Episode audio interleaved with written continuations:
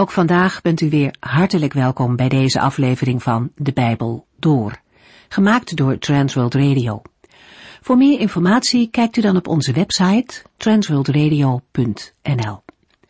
In deze serie gaat u in vijf jaar tijd met ons de Bijbel door, van Genesis 1 tot en met het laatste vers in Openbaring 22. De komende weken is het boek Job aan de beurt. We gaan ons verdiepen in het leven van deze man die een onvoorstelbaar moeilijke tijd doormaakte in zijn leven.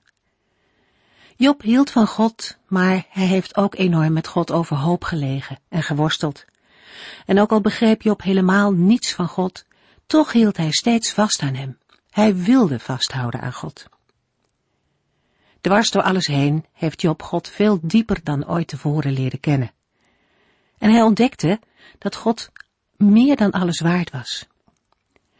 Maar daarmee lopen we een heel eind vooruit op de geschiedenis. Voorlopig zullen we ons eerst bezighouden met het lijden van Job en de reacties van mensen om hem heen.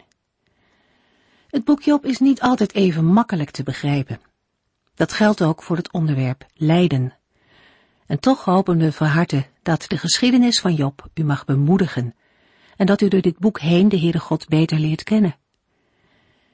In meer of mindere mate hebben we allemaal met lijden te maken. En ook met de vraag naar het waarom van het lijden. Dat speelt ons allemaal wel eens parten.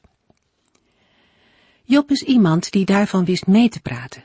En al leefde hij lang geleden, zijn vragen en zijn worstelen zijn nog steeds heel herkenbaar.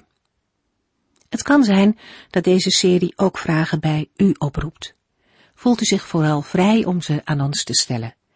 Na afloop van de inleiding zal ik u de adresgegevens noemen en wij horen graag van u.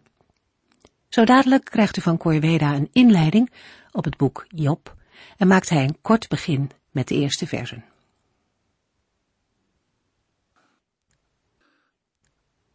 Het Bijbelboek Job behoort tot de meesterwerken van de wereldliteratuur en heeft in de loop van de eeuwen grote invloed uitgeoefend. Nadat het Bijbelboek Job in oude tijden tot stand is gekomen, is het op uitzonderlijk veel manieren verwerkt. De persoon van Job zien we op verschillende manieren terugkomen in poëzie, beeldende kunst, muziek, drama en literatuur. Deze brede aandacht houdt ongetwijfeld verband met de in het Bijbelboek behandelde problematiek van het menselijk bestaan. Het maakt het zelfs begrijpelijk dat in de laatste eeuwen zelfs ongelovigen zich lieten inspireren door het Bijbelboek Job. In al deze interpretaties is een grote variatie aanwezig. In het ene geval komen we Job tegen als degene die het lijden duldt, en in het andere geval als iemand die rebelleert. Vanwege de vele manieren waarop het Bijbelboek Job is verwerkt, zullen we in de programma's van de Bijbel door ook ingaan op de belangrijkste interpretaties en richtingen. Helaas is het ondoenlijk om een compleet beeld van alle interpretaties en richtingen te geven. De naam Job komt ook voor in Ezekiel 14. Hij wordt daar aangeduid als een rechtvaardige uit het verleden. We hebben geen informatie over de persoon Job buiten het naar hem genoemde Bijbelboek. De naam als zodanig komt voor het eerst voor in de 19e eeuw voor Christus in Egyptische teksten, waarin Canaanitische leiders opgesomd worden. Langere vormen van de naam staan in Egyptische slavenlijsten van een eeuw later. Ook in de Amarna-brieven en in Ugarit komt de naam voor. In het licht van deze parallellen is het duidelijk dat we met een Semitische naam te maken hebben en de naam Job iets betekent als waar is mijn vader? Maar het is onduidelijk hoe de Hebreeuwse vorm is afgeleid. Soms wordt de naam in verband gebracht met een werkwoord dat haten betekent. Dan betekent Job de gehate. Ook in de Koran komt de naam Job voor. Een zoon van Issachar in Egypte kreeg de naam Job. De betekenis van de naam Job blijft onzeker. De Griekse vertaling van het Oude Testament, de Septuaginta, geeft extra informatie over Job. In een toevoeging op Job 42 vers 17 staat, deze man is beschreven in het Syrische boek als levend in het land van Us, op de grenzen van Idumea en Arabië, en zijn naam was tevoren Jobab. Na een Arabische vrouw genomen te hebben, verwekte hij een zoon met de naam Enon. Hij zelf was de zoon van zijn vader Zare, een van de zonen van Esau, en van zijn moeder Bossara, zodat hij de vijfde van Abraham was. En dit waren de koningen die in Edom regeerden, over welk land hij ook heerste. Eerst Balak, de zoon van Beor, en de naam van zijn stad was Denaba. Na Balak, Jobab, die Job genoemd wordt, en na hem Hasom, die gouverneur was uit het gebied van Teman. En na hem Hadad, de zoon van Barat, die Madiam in de vlakte van Moab verwoestte.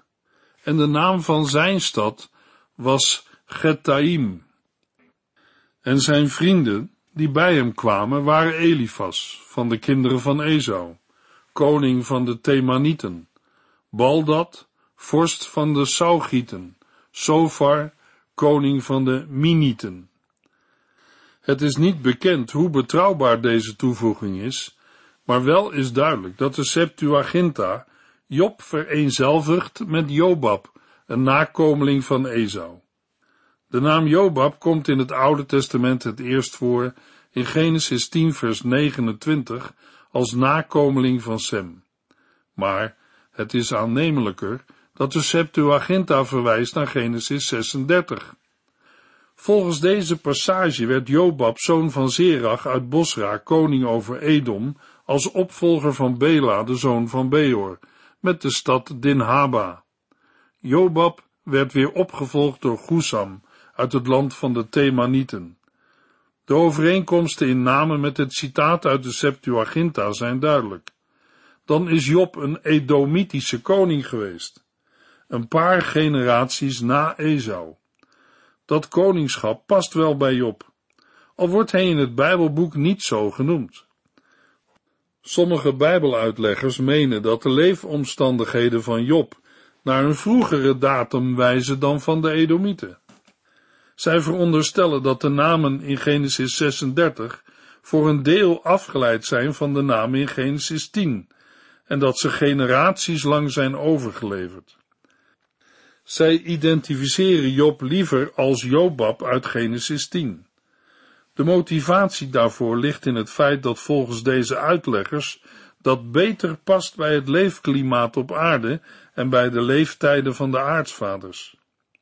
In het Nieuwe Testament wordt de naam van Job genoemd in Jacobus 5 vers 11.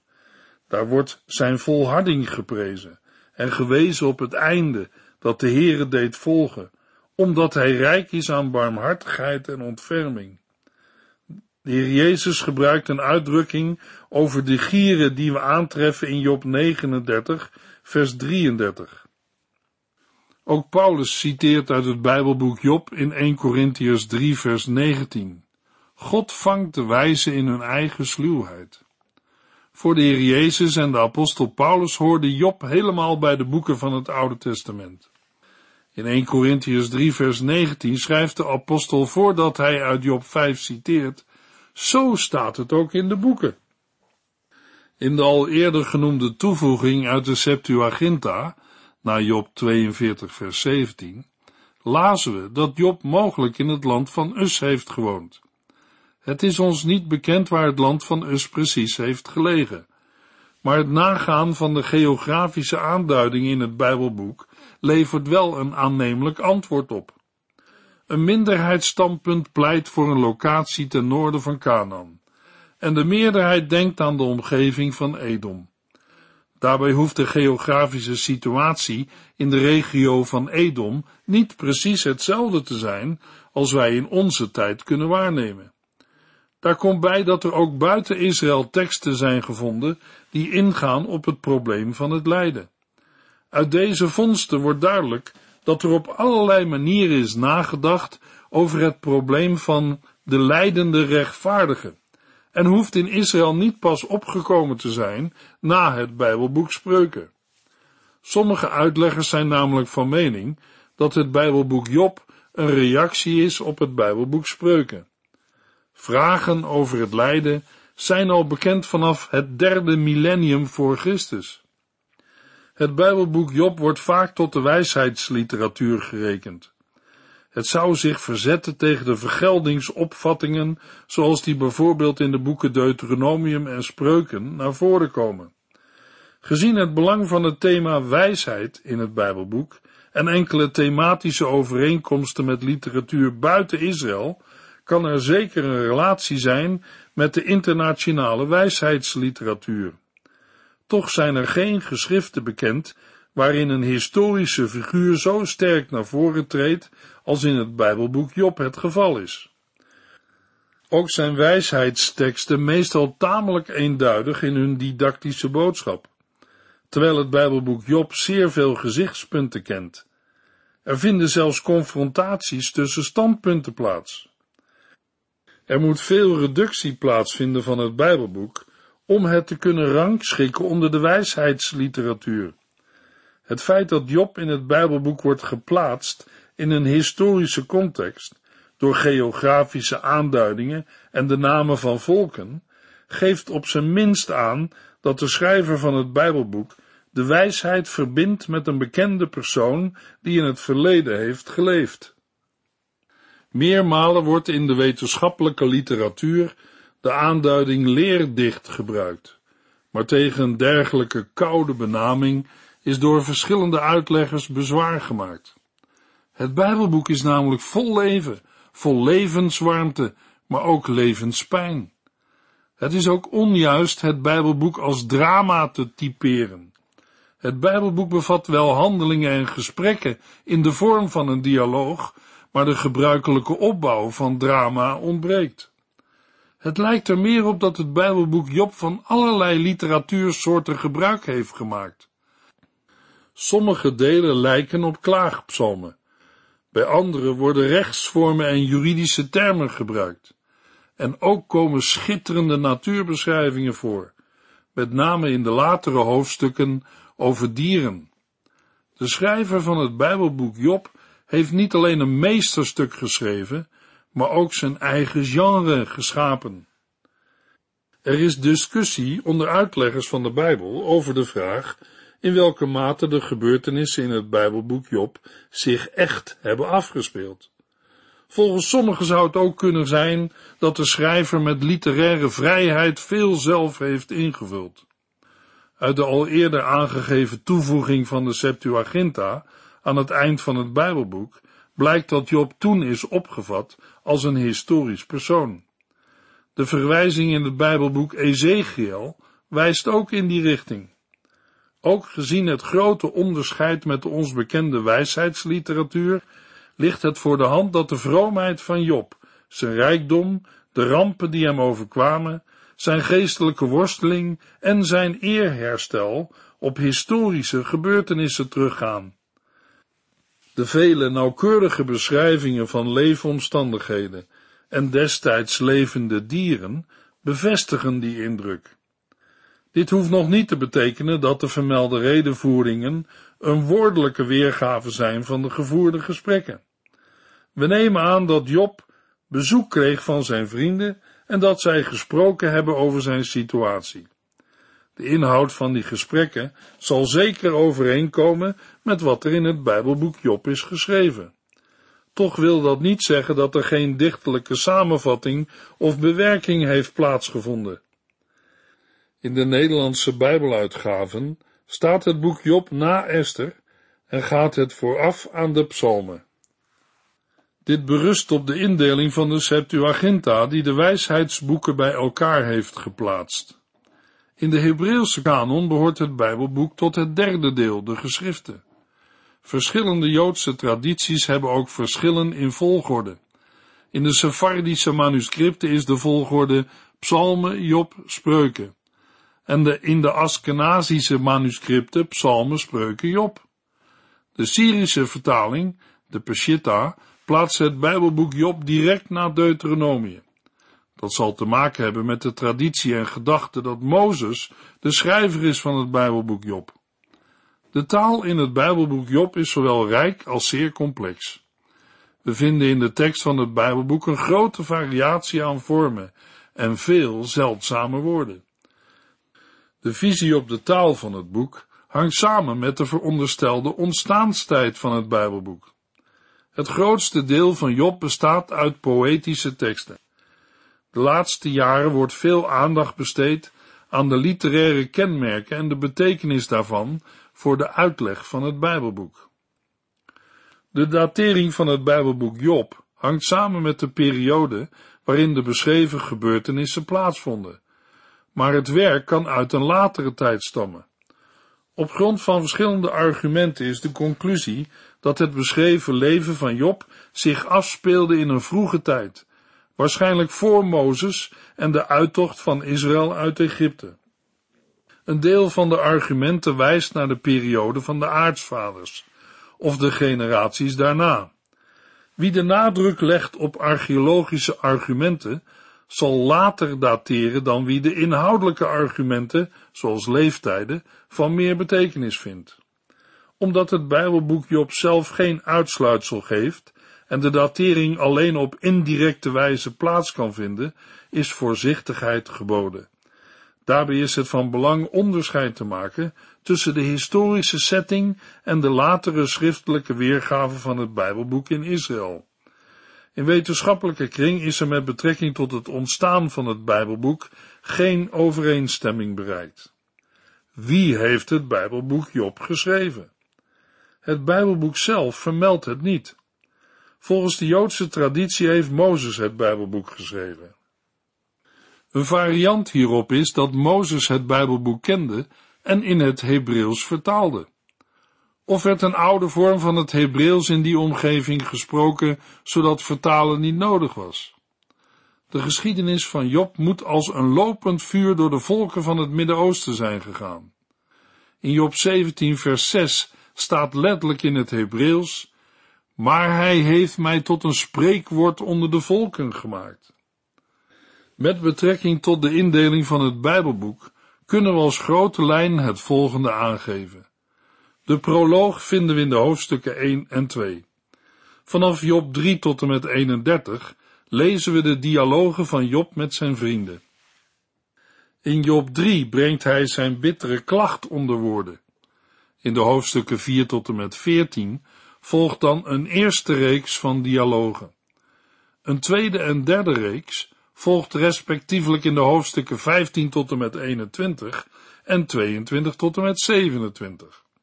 In Job 28 tot en met 31 vinden we Jobs laatste toespraak. In de hoofdstukken 32 tot en met 37 volgen de vier toespraken van Elihu. Dan begint in Job 38 tot en met 42 vers 6 het spreken van de Heere uit een storm en de antwoorden van Job. Vanaf Job 42 vers 7 tot en met 17 sluit het Bijbelboek af met een epiloog. Voor de bepaling van de boodschap van het Bijbelboek Job is het van belang de hele inhoud van het Bijbelboek erbij te betrekken. Meermalen proberen uitleggers van het Bijbelboek Job de boodschap in een paar zinnen samen te vatten. De traditionele uitleg van Job, als iemand die vroom al het leed verdraagt, gaat vooral uit van de beschrijving van Jobs karakter, waarbij de protesten van Job achterwege worden gelaten. De nadruk op het bestrijden van de samenhang tussen het handelen van mensen en de gevolgen daarvan, de rechtvaardige gaat het goed en de goddeloze niet, berust vooral op de dialogen. En de identificatie van Job als protestfiguur baseert zich vooral op de uitspraken van Job in zijn toespraken. Daarbij valt het op dat met de inhoud van de toespraken van de Heere meestal weinig wordt gedaan. De vrienden van Job zitten vast in een schema van oorzaak en gevolg, waarbij de ellende van Job verklaard moet worden uit zijn zonden. Maar de lezer heeft een ander perspectief, omdat hij weet heeft van het gesprek tussen God en Satan, en daarom de dialogen van het begin af aan kan beoordelen. Job gaat gedeeltelijk mee in het schema van oorzaak en gevolg, en de consequentie daarvan is dat hij op den duur de Heere aanklaagt. want de onkreukbaarheid van Job zelf of die van de Heer is in het geding. Terwijl zijn vrienden hoofdzakelijk over God spreken, zoekt Job het gesprek met de Heere. Job spreekt de Heere direct aan en klaagt hem zijn nood. Menselijke wijsheid komt niet ver genoeg in het doorgronden van wat er aan de hand is. Het leven en ook de wijsheid zijn hiervoor ontoereikend. De ontmoeting met God is voor Job de beslissende gebeurtenis die hem tot inzicht voert. Niet alleen de stem uit de stormwind, maar vooral de inhoud van de goddelijke openbaring in woorden, is het die Job een blik op bepaalde aspecten van de schepping en daarmee op het karakter van God geeft. Job hoort niets over de grond van zijn lijden. Ook zijn onschuld wordt niet bevestigd. De Heere beantwoordt ook niet de vraag naar de geldigheid van de samenhang tussen doen en ondergaan. God spreekt bijna uitsluitend over zijn schepping. In de eerste toespraak ligt de nadruk op het wonderlijke van Gods schepping, die de mens niet kan doorgronden. Zo geldt het ook voor de morele wereldordening. Veel daarin kan een mens niet begrijpen, maar dat weet de Heere. Het slot van het Bijbelboek lijkt een happy end, maar bij nader inzien is er veel meer aan de hand. De Heere geeft namelijk aan het slot de gerechtigheid terug, waarvan Job moest leren dat hij ze niet kan opeisen. De samenhang tussen doen en ervaren, tussen leven en lot, waarvan de geldigheid in de dialogen ontkend werd, blijkt uiteindelijk toch geldig te zijn. Die samenhang is er wel, maar maakt enkel een klein deel uit van het goddelijke systeem, van een rechtvaardige wereldordening, die in zijn totaliteit veel complexer is en voor de mens niet te doorzien.